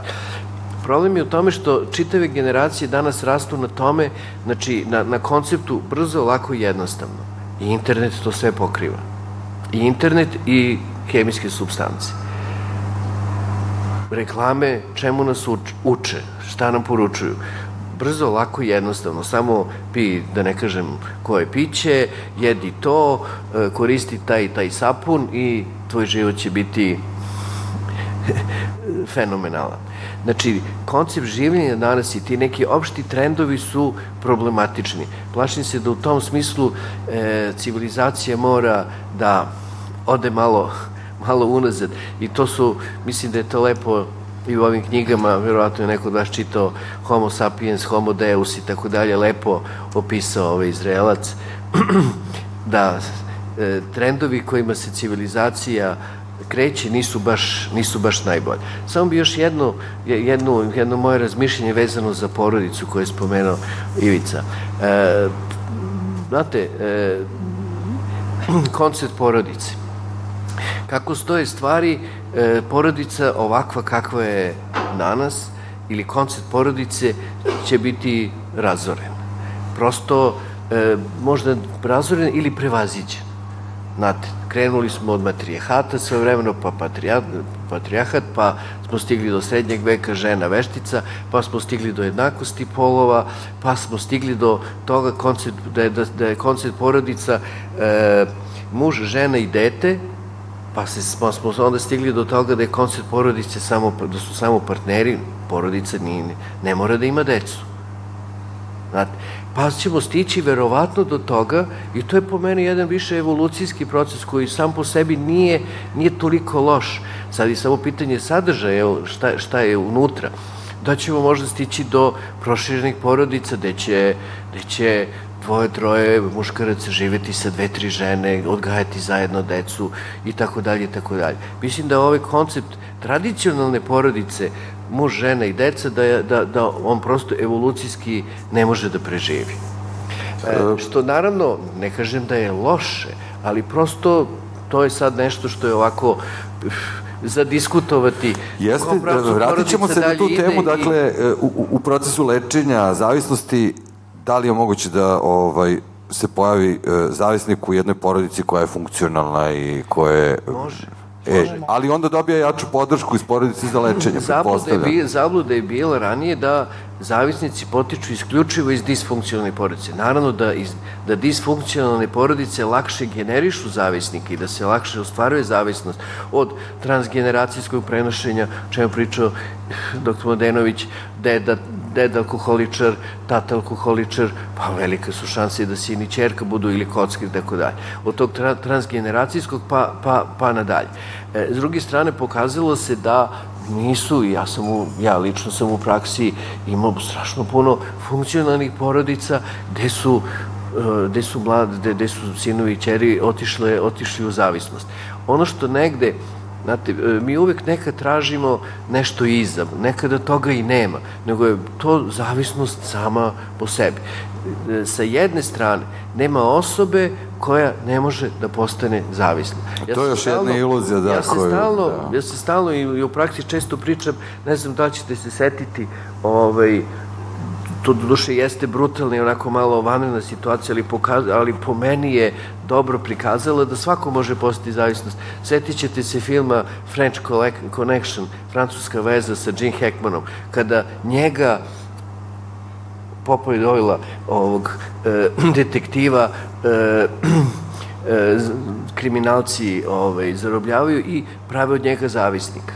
On, on prototipski nije zavisnik, ali su ga, znate, svako od nas samo je dovoljno da određeni broj puta uzme i prosto onda mozak počinje drugačije da, da, da funkcioniše. To je ona iluzija da ti možeš da kontrolišeš neki... Nema, ovaj, ne, nema kontrole, zavisno. Kontrole nema, prosto to je, to je zla kop, da tako kažem, i substanci i nehemijskih, odnosno kocki, da prosto e, e, naš centar za nagradu... To su oni dve najčešće samo za oranje. Mogu da prestane kad hoću i nemam problema. Centar dakle, za da. nagradu biva bombardovan i onda on preuzima, da kažem, e, primat nad funkcionisanjem celokupnog mozga. Malo pojednostavljeno, ali to je suština. E, sad sam hteo da e, da, da, da, da, da, da, da, hteo sam te da pitam još jedna stvar, pošto zapamti šta si hteo da kažeš, pošto si, je, ovo što si malo pre rekao o iskustvu sa svojom decom, sa ovaj, internetom, dakle, istraživanja pokazuju da kod dece već prečkolskog uzrasta, e, koja imaju neku vrstu zavisnosti od interneta, ovaj, video igrica ili ovaj, YouTube-a ili na društvenim mrežama, postoji neki model ovaj, ili nekakav, kako kažem, tip. E, to su klinci koji e, ni, uglavnom nisu u stanju da odlože e, nagradu, zadovoljstvo, znači potrebno je odmah ono da, kao, kao što smo rekli na internetu ovde sada, odmah nema odlaganja zadovoljstva, što je jedna od stvari koja definiše zavisnike. Druga stvar, e, javlja se ta nezrelost. Istraživanja pokazuju da dolazi stvarno do slabijeg razvoja funkcije govora, čitanja, I još jedna stvar, vrlo često se pojavljuje nedostatak koncentracije i ovaj sindrom hiperaktivnosti. Dakle, ako ste videli e, nekog predškolca kojem ste uzeli igricu iz ruku, vidjet ćete kako izgleda to ponašanje. Ono jako liči na abstinencijalnu krizu kod narkomana. Dakle, to je ono daj mi, daj mi mobil. I nije redko da, evo, govorim u ime sad ove generacije roditelja, da su, da su mi mnogi roditelji rekli da u 11. uveče gase internet u kući na onom Wi-Fi u kućnom, jer klinci će da legnu u krevet, pa će onda ispod jorgana da ponesu mobilni telefon i da ostanu budni do ujutra gledajući neke sadržaje. Da li prepoznaješ u tome jedan model, onaj koji koji, kojeg si ovaj, upamtio iz vremena nekako, neke zavisnosti koje Ne, si ne, imao? doktore, to sve stvarno Da. objasnio. Ovo je puno opasnije od onoga, od onoga što sam ja možda radio. Jer šta je problem sad? E, Svetska zdravstvena organizacija od pet rizikov faktora, tri se tiču porodice. Sad se opet vraćam na ovu priču. Tri faktora. Znači, porodica zaista igra glavnu ulogu. A nama je puno puta lakše da mu damo telefon i da on sedi miran tamo, da mi radimo nešto svoje. Ja stalno forsiram, forsiram, promovišem taj na neki način model sa Islanda za koji ovde ne postoji politička volja jer pričamo na neki način o drugoj svesti, ali to je isto to što je rekao doktor, mi se jednostavno, zašto je taj model dobar? Zato što on ljude vraća nekim normalnim vrednostima. Jer smo mi u silnoj eri ljudskih prava i prava deteta oduzeli prava roditeljima. S jedne strane. Baš smo to uradili. I sad, šta radi taj islamski model? On jača vezu između roditelja i škole, između roditelja i deteta, da bi roditelj imao veći autoritet nad svojim detetom. Znači, postoji jedan ozbiljan sistem koji je napravljen da, da radi na tome. Postoje te nekakve, ajmo reći kako se zovu, straže, znači deca ne mogu da budu na polju posle 10 sati zimi, da posle ponoći e, leti bez prisustva starih, odnosno bez prisustva roditelja, ljudi se šetaju se neke patrole lokalne, to su normalni ljudi roditelji, jer šta ćeš ti da radiš napolju? Jednostavno na neki način vraćaju ljude normalnim vrednostima. Eto, to je to, da ne, ne ulazim previše jer je model prilično kompleksan. S druge strane, e, pošto se trudim na neki način kroz svoj rad i da se unapređujem i da nađem primere dobre prakse. Jedan od meni najdražih modela e, lečenja, uopšte u, u, nije to lečenje, ja ne bih ga nazvao lečenjem, ali je u procesu nekakve kuće na pola puta i tako da ih nazovemo, je Oxford Houses koji ima negde oko, ako se ne varam, između oko 3000 kuća postoji u, na, u Severnoj Americi, moram da proverim, ja mislim negde. Šta je, zašto, što je uspešno u tom modelu? Ništa posebno se tu ne radi. Znači oni žive u kućama šest ili osam ljudi i suštinski ih vraćaju normalnim vrednostima, da se brinu bre o sebi, da žive svoj život, da, da budu odgovorni jedni prema drugima u koji žive u toj kući. I daje fantastične, rezultate. Kad su radili follow-up, dobili su rezultat negde oko 80% uspešnosti, posle 20 godina rada da ne ulazim sad ni u taj model, ali zašto to kažem? I to vraća na neki način ljude nekim normalnim vrednostima. Jer smo mi definitivno zastranili s te strane. I sad kad mi ovako pričamo, ispašće koja smo mi neki ludaci koji veruju u neku konspiraciju svetsku, ali mi moramo da razumemo da je veliki novac u igri u mnogim stvarima. I meni je uvek dobar primer onaj jedan film iz 80. godina, od događaju jednom iz 80. godina iz američke industrije, autoindustrije, kad su oni proizveli automobil koji je imao neku grešku u instalacijama i negde su morali da povuku oko 200-300 hiljada automobila, da povuku nazad, da vrate sa ulica. I onda su oni napravili kalkulaciju.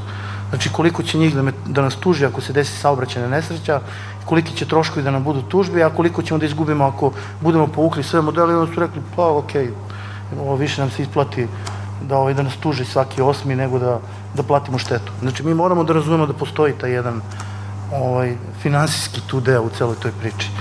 Takođe, kad, kad slušam ove, e, ljude koji se bave bolestima zavisnosti i lečenjem, e, ja moram da kažem, pošto to vrlo često kada ih sluša laička publika, vas vrlo često smatraju kao, jao što ste vi neki fašisti, vi bi se branili, vi bi se zabranjivali, a prosto prvi utisak u radu sa svim zavisnicima jeste uspostavljanje kontrole. To je ono što apsolutno nedostaje. To je prvi nivo. I to je Prvi nivo. neki elementarni nivo, tako da, mislim, ja sam zato odustao od te vrste terapije, ja, ja stvarno kažem, ali, ali to je jedna, je, jedna stvari koja je vidljiva i koja može da se prepozna u svim oblicima i hemijskim i ovim koji nisu hemijske prirode. Dakle, većina roditelja napravi istu tu grešku e, kada, kada pomisli da je taj mobilni telefon onako lako rešenje umesto da sedni da se igra s tim detetom. Ali, ali, ali gledaj, nije to e, ništa niti čudno, jer e, šta je potrebno za zdravo odrastanje? Potrebna je ljubav i granica. I opet to nisam ja rekao ja, nego jedan pametan psiholog, psihijatar pre 70-80 godina. I tu se završava cela priča. Šta mi imamo danas? Mi smo dobili pre 20 godina, ako se sećate, sindrom malih careva u Kini. Sad imamo sindrom malih careva u celom svetu. to je varijanta gde deca imaju frapantno velika prava, ovo što je rekao kolega, roditelji nemaju nikakva prava. Ljudi, ali to, ja, ja ću sad reći da je to nenormalno, kao psihijatar i stojim iza toga. U Kanadi je zabranjeno da se koristi termin mama i tata. I to je nenormalno. I to je parlament zabranio. Zbog čega? Zato što se jedan istopolni uh, roditelji uh, trebalo je njihovo usvojeno dete u školi da popuni tamo ko je mama, ko je tata i oni se nisu dogovorili ko je mama, ko je tata i onda su otišli u sud i rekli to je diskriminacija nas. I šta odredi kanadski parlament? I pored toga što su upozoravali pedijatri, psiholozi i svi, oni su zabranili upotrebu termina mama i tata. Evo gledajte na internetu, imate pre šest meseci. E to je već nenormalno.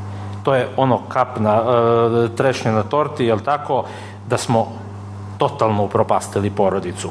Zbog čega? Zato što je porodica, uvek kažem i uvek ću stojati iza toga, i kao psihijatar, i kao psihoterapeut, porodice je jedino mesto, jedini izvor zdrave pameti i oaze koju danas imamo. To je jedino mesto gde ćete dobiti podršku. To je jedino mesto gde će iskreno stati neko iza vas.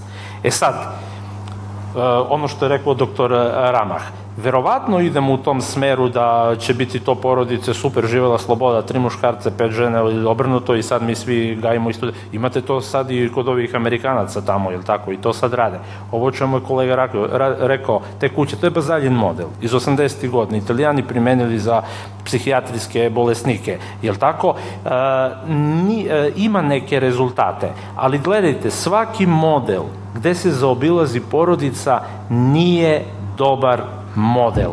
A, mi možemo da govorimo i ovo što je rekao doktor Amar, a, adiktivnost substance ponašanja je krucijalna stavka. Adiktivnost heroina je ogromna. Dovoljno je dva puta da probate, vi ćete se navući. Adiktivnost virtualnog sveta je na nivou heroina.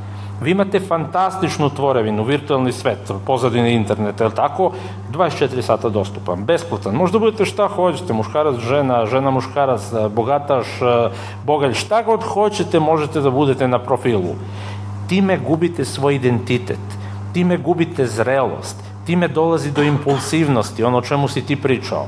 Ne smeš ništa da mu kažeš, svako želi svoja prava u tom trenutku. To su sve parametri, parametri nezrelosti.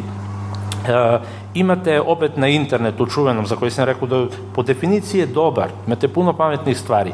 Ljude koji su radili onoj čuvenoj Siliconskoj dolini tamo u Americi gde sve izmišljaju, koji je lepo rekao, tamo mi imamo čitavu grupu psihologa, psihijatara, sociologa, koji se trude da naši sadržaji budu što adiktivniji, da što više navučemo ljude, da ne mogu bez toga. Čovek, insider, priča o tome. Jer poenta je da što više navučemo ljude. Ako navučemo ljude, odmah ćemo prodati nov, mobil, nov model telefona. Biće 24 sata. 24 sata na internetu, 48 sati. Deca, 5, 6, 7 godina, ne dolaze kod psihijatra, prvo urgentni centar. Zašto? Ne jedu, gubitak minerala, ne piju ništa. I onda dolaze tamo. Kad ih dovedu kod nas, to je, to je, to je frapantno, ono što si rekao. Oni su spremni da grebu, grizaju, biju, jer im oduzimate nešto bez čega ne mogu. Jako su se navukli. Mlade osobe su po definiciji nezrele. I onda se postavlja pitanje da li su kontrole dobre. Naravno, bez granice nemate zrelost. Kada stvorite granicu, vi sami odlučujete da li ćete da prekoračite tu granicu ili nećete.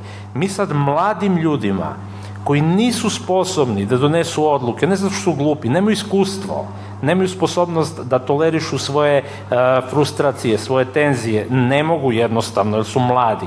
Mi im nudimo mogućnost da oni biraju.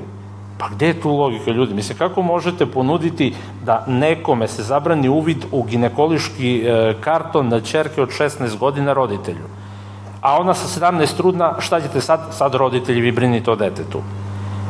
Uvek apelujem na sistem. Ja znam ono što stalno ponavlja kolega, da su velike pare u igri, ali ne smemo da radimo takve frapantne propuste. To su ogromni propusti koji će uništiti naciju. Znate, e, teorija zavere, ja ponekad sam sebi zvučim kao uh, paranoik, ali uh, u, u svetu sad ima koliko? 7 milijarde ljudi, je li tako? I poenta je smanjiti broj ljudi na optimalnih 3 do 4 milijarde. E sad ako to treba da se prebije preko Srbije male koja ima jadnih 4 miliona, pa ajte mislim da Dobro. da postanemo deo sveta. Ne, da baš toliko daleko razmišljaju. Slobodno izvolite, na raspolaganju smo. Dobro večer. E, meni interesuje to sa malom decom. Znači, meni deluje potpuno jednostavno da se to rešava. Znači, kako ste vi sad došli do toga da imate tineđere koji su stalno... Koji su malo... Da, zato pa- što, izvinite, sad, ja imam uh, sina od pet godina, sa dve godine je slučajno ostao iPad. Posle dva minuta sam ja shvatila šta radi, uzela sam ga, on je počeo da plače kako ga ja nisam čula da plače. Znači, nije video iPad sledeće tri godine. I on sad zna, mamin kompjuter je za mamin posao, tatin je za tatin. Telefon je da se zove baka i da se slikamo. I kad nas nešto interesuje da nađemo na internetu.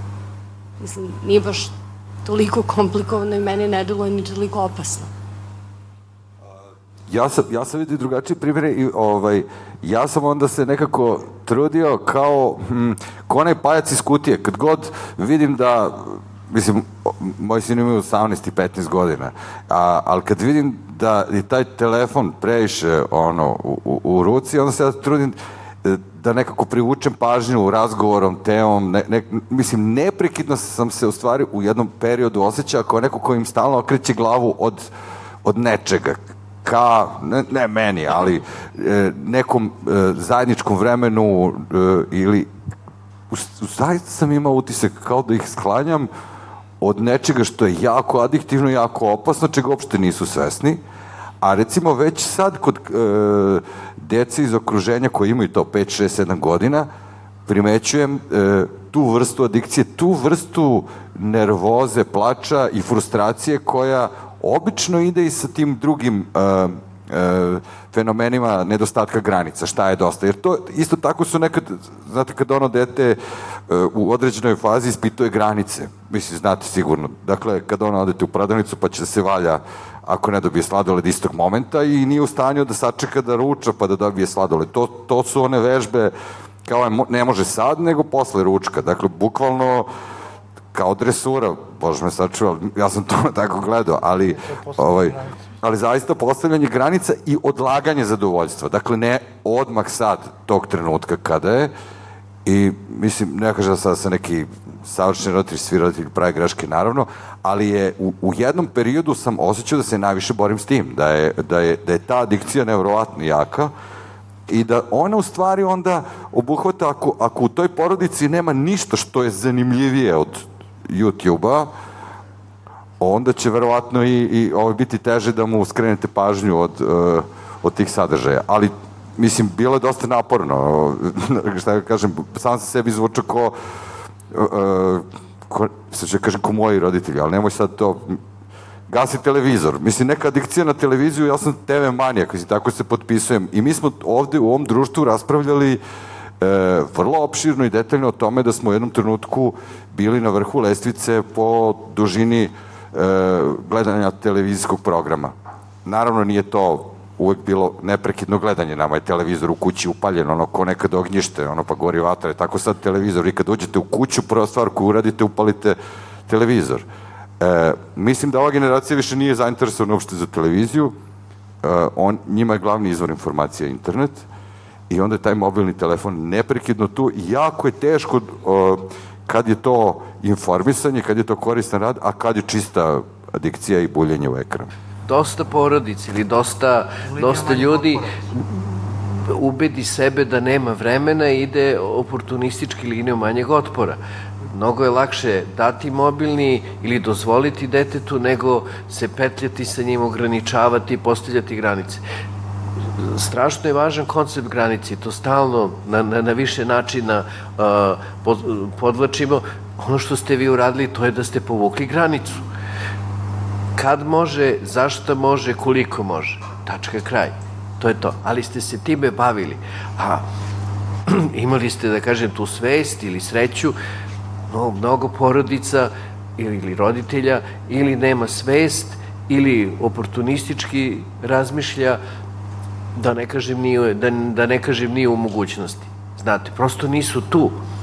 Jer danas živimo u svetu gde se živi e, brzo i teško iz lične, iz, iz, iz, iz ličnog priroda, e, iz lične priče, upoznao sam ženu i, i, i tehničara, medicinskog tehničara i, i medicinsku sestru, nekog člana moje porodice su, ovaj, su se brinuli u njemu, pre podne rade od 7 ujutru do 3, a on u državnoj službi, a onda od 3 do 10 uveče rade rade ovaj, privatno, čuvaju starije ljude da bi mogli da prehrane svoju decu i da bi mogla da svoje čerće omogući fakultet.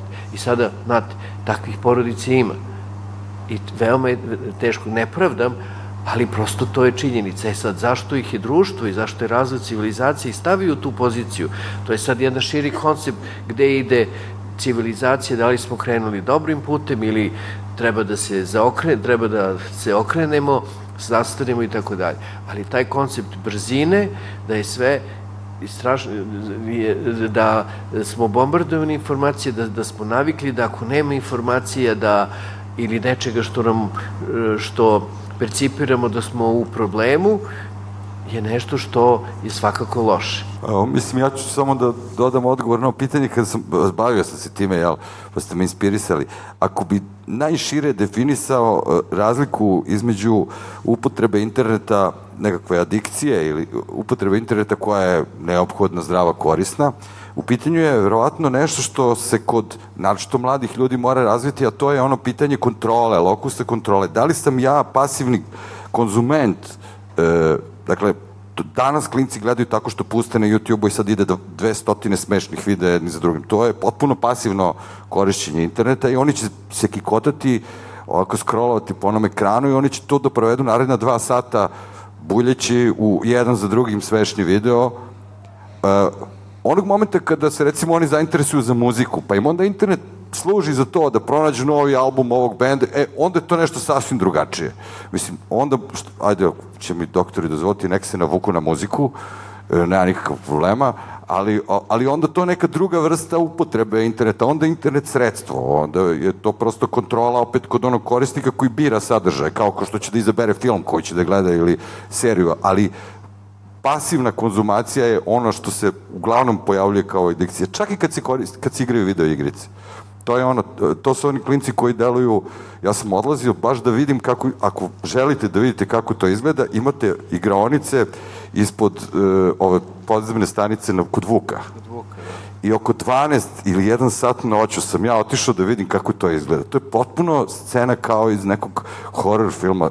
Prolazite jednim mračnim hodnikom, ulazite u veliku prostoriju koja je u mraku, gde samo svetle ekrani, gde neki klinci već ispavaju onako preko tasteture i sa slušalicama desetine, onako, ne znam, to, to su baš ono, mladih ljudi koji potpuno pasivno zalepljeni stoje na tim ekranima. I to tako traje satima. I obavezno takva mesta nemaju prozore. Tako je, nema prozora, da, ono manje anoksija, onako da, da se lepo, da.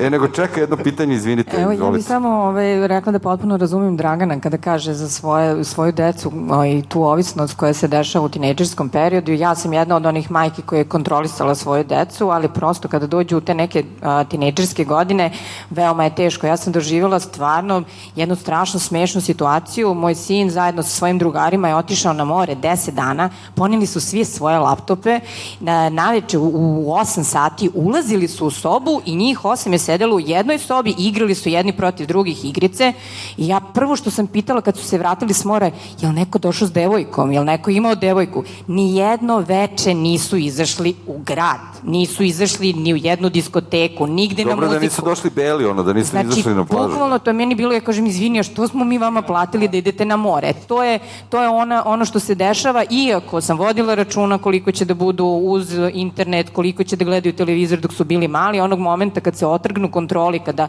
steknu to neko svoje prvo ja, ovaj, oni preuzimaju svoju vlastitu ulogu i sad se jednostavno borimo kako da prestanemo da igramo igrice, um, kada pokušamo da razgovaramo s njim, joj mama, aj malo samo sačekaj dok završim. I to traje tako sat, dva, i, ove, i gašenje i sve je to nešto što kada napune određene godine veoma teško iskontrolisati. A pored toga, bez obzira na to što je sad uspešan student i sve to divno krasno, sve on to postiže, ali i dalje jako, jako ovisan o igricama. To naravno kasnim godinama dovodi do neke vrste socijalne izolacije i dakle posebnog uh, načina života. Vi ste dobro opisali kako izgleda ta adikcija se, to sa igricama. To dovodi do aseksualnosti i ja se uvek vraćam Samo na to... Samo nemojte previše da plašite mamu. Ja se, pa ja moram da je plašim, da, moram da vas plašim da bi reagovali. to, to dovodi do aseksualnosti iz prostog razloga jer vi e, na kontu e, seksualnog nagona nudite nešto šta je privlačnije Tako da negde ako vi u situacijama, u godinama kada treba da istražujete i vidite nivo, vaš libido, seksualni nagon, provodite ovako, onda nikada nećete biti bliski sa svojim seksualnim nagonom i to je još jedan način kako se uh, stvara aseksualnost. Znači, nebitno je koji sam pol, to je na kraju krajeva uh, čista glupost. Međutim, uh, imamo još jedan jako veliki problem za postavljanje granice. Znate, ranije se granica postavljala vrlo, vrlo jasno u naše vreme, ako se sećate, tad je još uvek bilo dozvoljeno udariti dete po guzi. Danas više nije dozvoljeno, ja sam od onih koji smatraju da je to sasvim opravdana pedagoška metoda, ali samo pod upetu, nikako e, šamar, e, jer je to atak na ličnost. Tako da negde, eto, imate korpus e, delikti da sam se izjasnio da je to negde dozvoljeno i mislim da a, bez toga mi do, dolazimo nekad u bezizlaznu situaciju, znate, jer su oni spremni da nas dovedu do ludila, jednostavno je to probijanje granica, pogotovo porodica sa adolescentom je najstresogenija moguća faza u razvoju porodice i ako dolazi do razvoda, po definiciji dolazi ili u prvi godinu dana ili u porodici sa adolescentom. Dobro, za adolescente kasno da ga lovite pod upetu, to se odnosi na onaj period Naravno, da ne gurne prst u utičnicu da, da, da, granice, to je. Gotovo. Izvolite. Dobro večer. Uh, ja sam mama uh, osnovaca i želim s vama da prokomentarišem uh, jednu situaciju iz škole. Pre par dana na savet roditelja došli su iz MUPA, iz naše opštine, bavili su se temom zavisnosti. Um, ono što su rekli jeste da neće raditi uh, u smislu toga, ako sad pričamo o hemijskoj zavisnosti, o drogama, uh, neće um, gledati ko diluje drogu u školama, neće se time baviti. Smatraju da ako danas uhvate jednog dilera, sutra će već postojati drugi, tako da to uopšte neće biti tema njihovog uh, delovanja. Rekli su da će raditi na prevenciji. Prevenciji svih vrsta zavisnosti, pričalo se čak i o alkoholu, što je, hajde da kažem, kažemo, dobra stvar, obzirom da se nekako zapostavi taj alkohol stalno. I socijalno i prihvaćeno. Jeste, nažalost. E, pričalo se čak i o zavisnostima e, od elektronskih uređaja, ali e, nisu definisali tačno kako će se raditi na prevenciji. Ko treba da radi na prevenciji? Mi roditelji koji realno ne znamo. Evo ja ne znam kako da se borim protiv toga, prosto kako bih vam rekla, ja, mi smo ona generacija roditelja koja se prvi put suočava sa ovom vrstom zavisnosti, na primjer od tih elektronskih uređaja. Drugo, ne znamo koje su to droge u opticaju, šta da posavetujemo decu, koji je kakva je strategija uopšte, da li postoji strategija za prevenciju ako su oni rešili da e, eto, ne, ne jure dilere, da se ne bave onima koji to deci prodaju. Eto. Razumeli smo da, evo, reći, ako budu o zavisnosti od uh, interneta i elektronskih uređaja, kako je to definisano, ako se time budu bavili na način kako su se bavili e, temama narkomanije, ja sad to pamti jer sam i ja zakačio neka predavanja i, i moja deca, to je delovalo prilično neozbiljno i vrlo često su klinci u višim razredima osnovne škole o drogama znali više nego onaj policajac koji je došao da im govori o drogama. Znači, to je bilo onako prilično laički da se uradi, da se tamo kaže kako su imali časove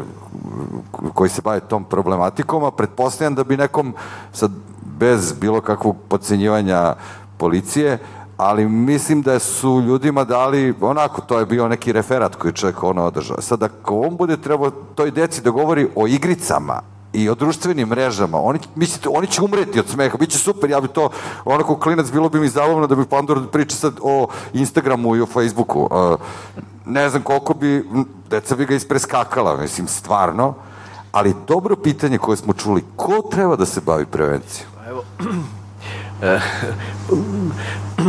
da, posle će se nadovezati malo na, delimično na, na odgovor prethodnoj ovaj, uh, gospođi ili gospođi. E, ovako, što se tiče prevencije, ne treba mi da otvaramo, ne, ne, treba, ne treba da e,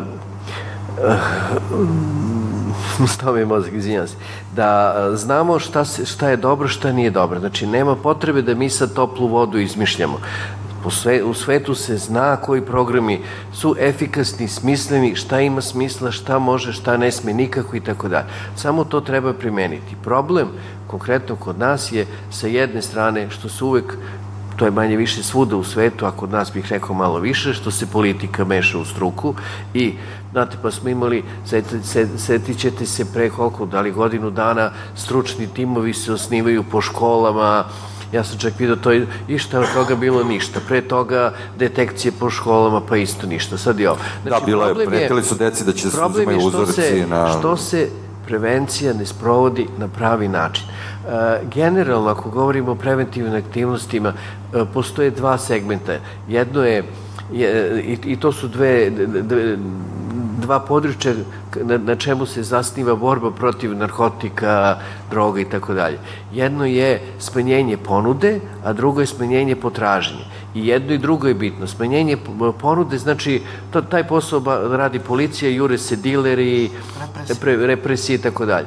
I smanjenje potražnje u smislu da, da, da se mladim osobama pomogne da jednostavno im droga nije, ako govorimo o drogama, u krajnjoj liniji i slično se može primeniti na ovaj, e, internet i, i celu tu priču, da im prosto to nije toliko bitno. To je sad priča da budu zrele ličnosti, da e, e, budu zadovoljne sobom, da imaju integritet i tako dalje. Mislim, mnogo je šira priča. E, problem je u tome što se ne bavimo na pravi način. E, još jedna konkretno, šta je još problem, e, koliko vidim vi ste zainteresovani, ili nažalost, ja sam učestvovao u nekim pri, e, preventivnim aktivnostima, imali smo zaista dobro osmišljen program, koji jednim delom, kažem, nismo mi smislili, nego smo ga, nego smo preneli, nešto malo smo ga prilagodili našim, takozvani tematski roditeljski sastanci. Znači, gde barem jednom godišnje se održe tematski roditeljski sastanak po ovom, ne bih sad išao dalje u, u priču, na temu droga i tako dalje. Znači, e, da edukujemo razredne starešine kako da održe taj tematski roditeljski sastanak koji ima, ne znam, 4-5 celina, kaže, ne bi sad dalje širio priču. I s jedne strane je bila nezainteresovanost e, škola, s druge strane nezainteresovanost roditelja. Znate, evo, ja garantujem kad bi vi sada i to je nešto, to se sad malo širi problem i, i sad tu mora da se umeša država znate, i da ona odredi neke stvari. Ja garantujem da u školi u kojoj idu vaše deca, kada biste vi inicirali i u vašem odelenju, pitanje koliko bi se na takav tematski roditeljski sastanak pojavilo, pojavilo roditelje. Možda vi i još ne znam koliko. Tako da e, je problem e, i što se i, i na pojedinačnom nivou u smislu e, odnosno porodičnom, a isto tako država mora da radi svoj posao kako treba, a ne radi mnogo dugo onako kako treba. E, Ivica je to doda. Evo, samo da odgovorim e, konkretno ovaj, e, gospođi ili gospođici. Ja sam inače predsednik Nacionalne komisije za borbu protiv alkoholizma. Vi sad govorite o drugom, Srbija ima dve komisije. Ima Nacionalnu komisiju za alkoholizam i malo ću reći šta, šta je to. Pitali ste da li ima strategiju? Ima. Završili smo je 2017 Tri godine je stajala u Fioci, 2017. je završena, do danas nije pokrenut ni jedan jedini aspekt strategije. Tražili smo 2 miliona evra za prvu godinu, što je 10 puta manje od e, projektovanog za evropske zemlje, a dobili smo 15.000 evra. Ja kažem šta da kupimo kafe i bombone učesnicima i da kažemo to je to. Znači to je paradigma odnosa države prema ovoj priči. Uh, što se tiče droge, to je izvučeno iz konteksta i oformljena je neka komisija, ruku na srce, ja nisam hteo da sam u toj komisiji, moj kolega sa instituta predložio sam da bude tamo, jer je to osuđeno na propast. To je istrgnuto iz konteksta islamskog modela. Znate, islamski model kaže, u prvoj fazi radi se edukacija učenika, nastavnika, roditelja. Paralelno se radi na podizanju životnog standarda da bi roditelji mogli da rade jedan posao, 6 sati sa tendencijom 3 dana odmora. Kod nas je tendencija 25 sati dnevno da se radi sa najvišeg nivoa. Treća stavka, promene u školskom sistemu, ne bubanje, kreativne aktivnosti, sa malim odeljenjima, sa a, časovima u prirodi. Četvrta stavka, socijalni aspekt. A kod nas smo sve ostale stavke abstrahovali i Doveli smo došli su policajci da- da drže da- edukaciju o ovome. To je osuđeno na neuspeh. Policija ne treba da radi prevenciju. Apsolutno. E, znači, upravo sam rekao kako se to radi. Nažalost, mi imamo komisiju za droge, čiji je predsednik moja cenjena koleginica Mira Kovačević iz Drajzerove. E, ona je radila svoj posao, ima strategija, a znate onog trenutka kad je se desilo, u, ako se sećate u kontinuitetu onih 5-6 smrtnih slučajeva od amfetamina, kod mladih ljudi probanata, poznavljam, amfetamini kao i marihuana su najdestruktivniji kod onih koji prvi put probaju može da dovede do smrtnog ishoda. Onda se ad hoc stvara komisija sa, uh, to verovatno ima težinu, sa Zlatiborom Lončarem na, ce, na čelu. Ali ja se bojim da ta komisija, kao što u moje i Draganovo vreme, jel tako, nije dala rezultate i sada neće dati rezultate. Jedina posledica rada je bila ono u medijima i konkretno u mojoj porodici je to izgledalo tako što su baba i deda čitali politiku i onda su zvali unuke i govorili nemoj neko da ti da ono mjau mjau to umiru deca od toga. Mislim, to je došlo na nivo e, medija, senzacija je prošla je nekoliko meseci od tad i nema priče, da, Nije, to je. godinu dana. I godinu dana, Da, otprilike, mislim, ja da. sam tu nešto malo imao ovaj, nekih mi, minornih uticaja. Ovaj, pošto sam se nas, našao usred nekih tih situacija, a, to je krenulo kao odgovor na politički pritisak, odnosno na pritisak javnosti. Posle tih pet smrti je bilo u tom trenutku. Ovaj, to je reakcija bila države da se to malo negde absorbuje u svemu tome. Sama ideja kao ideja je pokrenuta, inicirano je dosta stručnjaka u celom zemlju, postoje regionalni timovi, postoji tu neka koordinacija, ljudi rade na terenu, pošto sam ja do sada zajedno sa mojim kolegama i sa predstavnicima, predstavnicima naše ove nacionalne kancelarije za borbu protiv droga obišao već pola Srbije. Pravimo te neke multisektorske sastanke u sklopu neš, nekog našeg projekta i onda uvek pitamo ljude kako vi radite tamo u, tim, u toj komisiji, u tim timovima, šta se tu radi.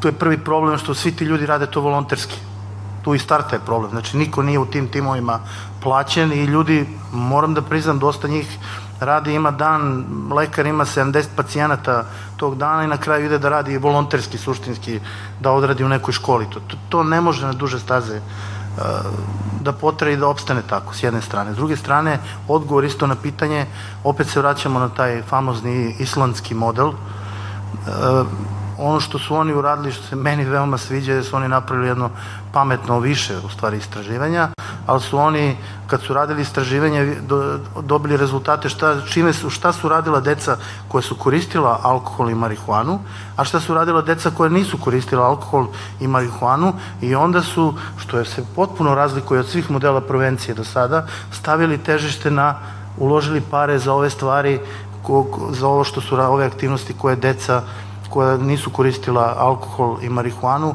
i pokrenuli. Znači ono što se ja trudim na osnovu tog modela sada sa mojom decom je da im ne dajem stalno telefon, nego da sve ukupno vreme koje ću provesti sa njima bude veće, da ima što više van školskih aktivnosti, se bavi sportom. To naravno košta u Srbiji sve. U, na Islandu su oni to rešili, ko nema para, država će mu dati 500 evra. da, tako, da, tako da je to rešeno. Na neki način da imamo što bolju komunikaciju sa sa njegovim razrednim starešinom, sa, sa, odnosno sa njegovom učiteljicom, da imamo komunikaciju suštinski sa školom, da komuniciramo sa njim i to su neke osnovne stvari koje bi u suštini svaki roditelj trebao da radi, ali negde je, negde kroz vreme to izgubljeno, jer smo pričali malo pre o tome. Da, jedna od stvari koja je pokrenula tu inicijativu policije jeste i činjenica da je nakon tih smrti utvrđeno da su u proizvodnju i promet amfetamina po beogradskim klubovima bili uključeni pripadnici žandarmerije. Tako da mislim da je to bilo malo i ovaj, pranje ovaj, nečiste savesti, tako bih rekao, da. Izvolite.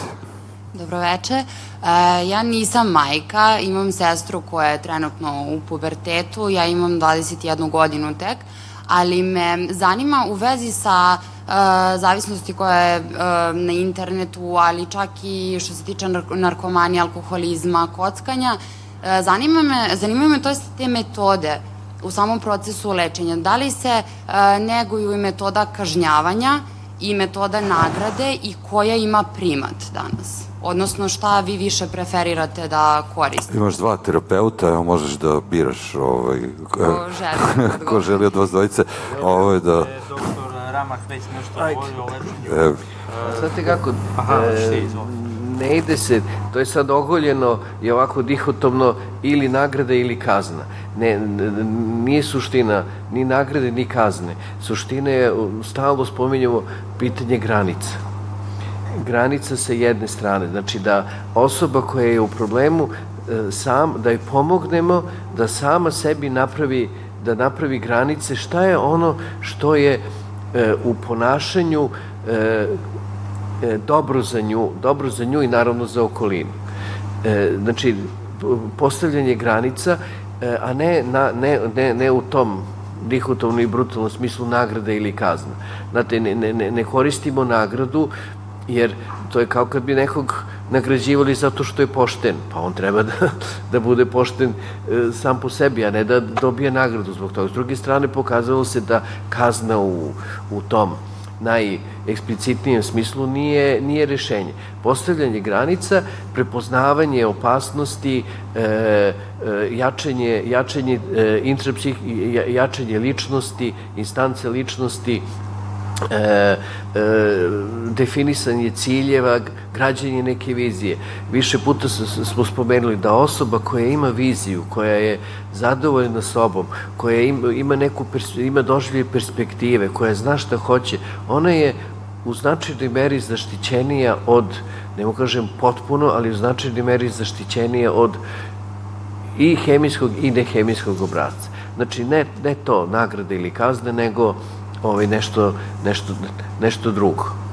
Ako mogu samo da dodam, ako imamo e, par minuta, ja ću reći kako mi radimo na institutu.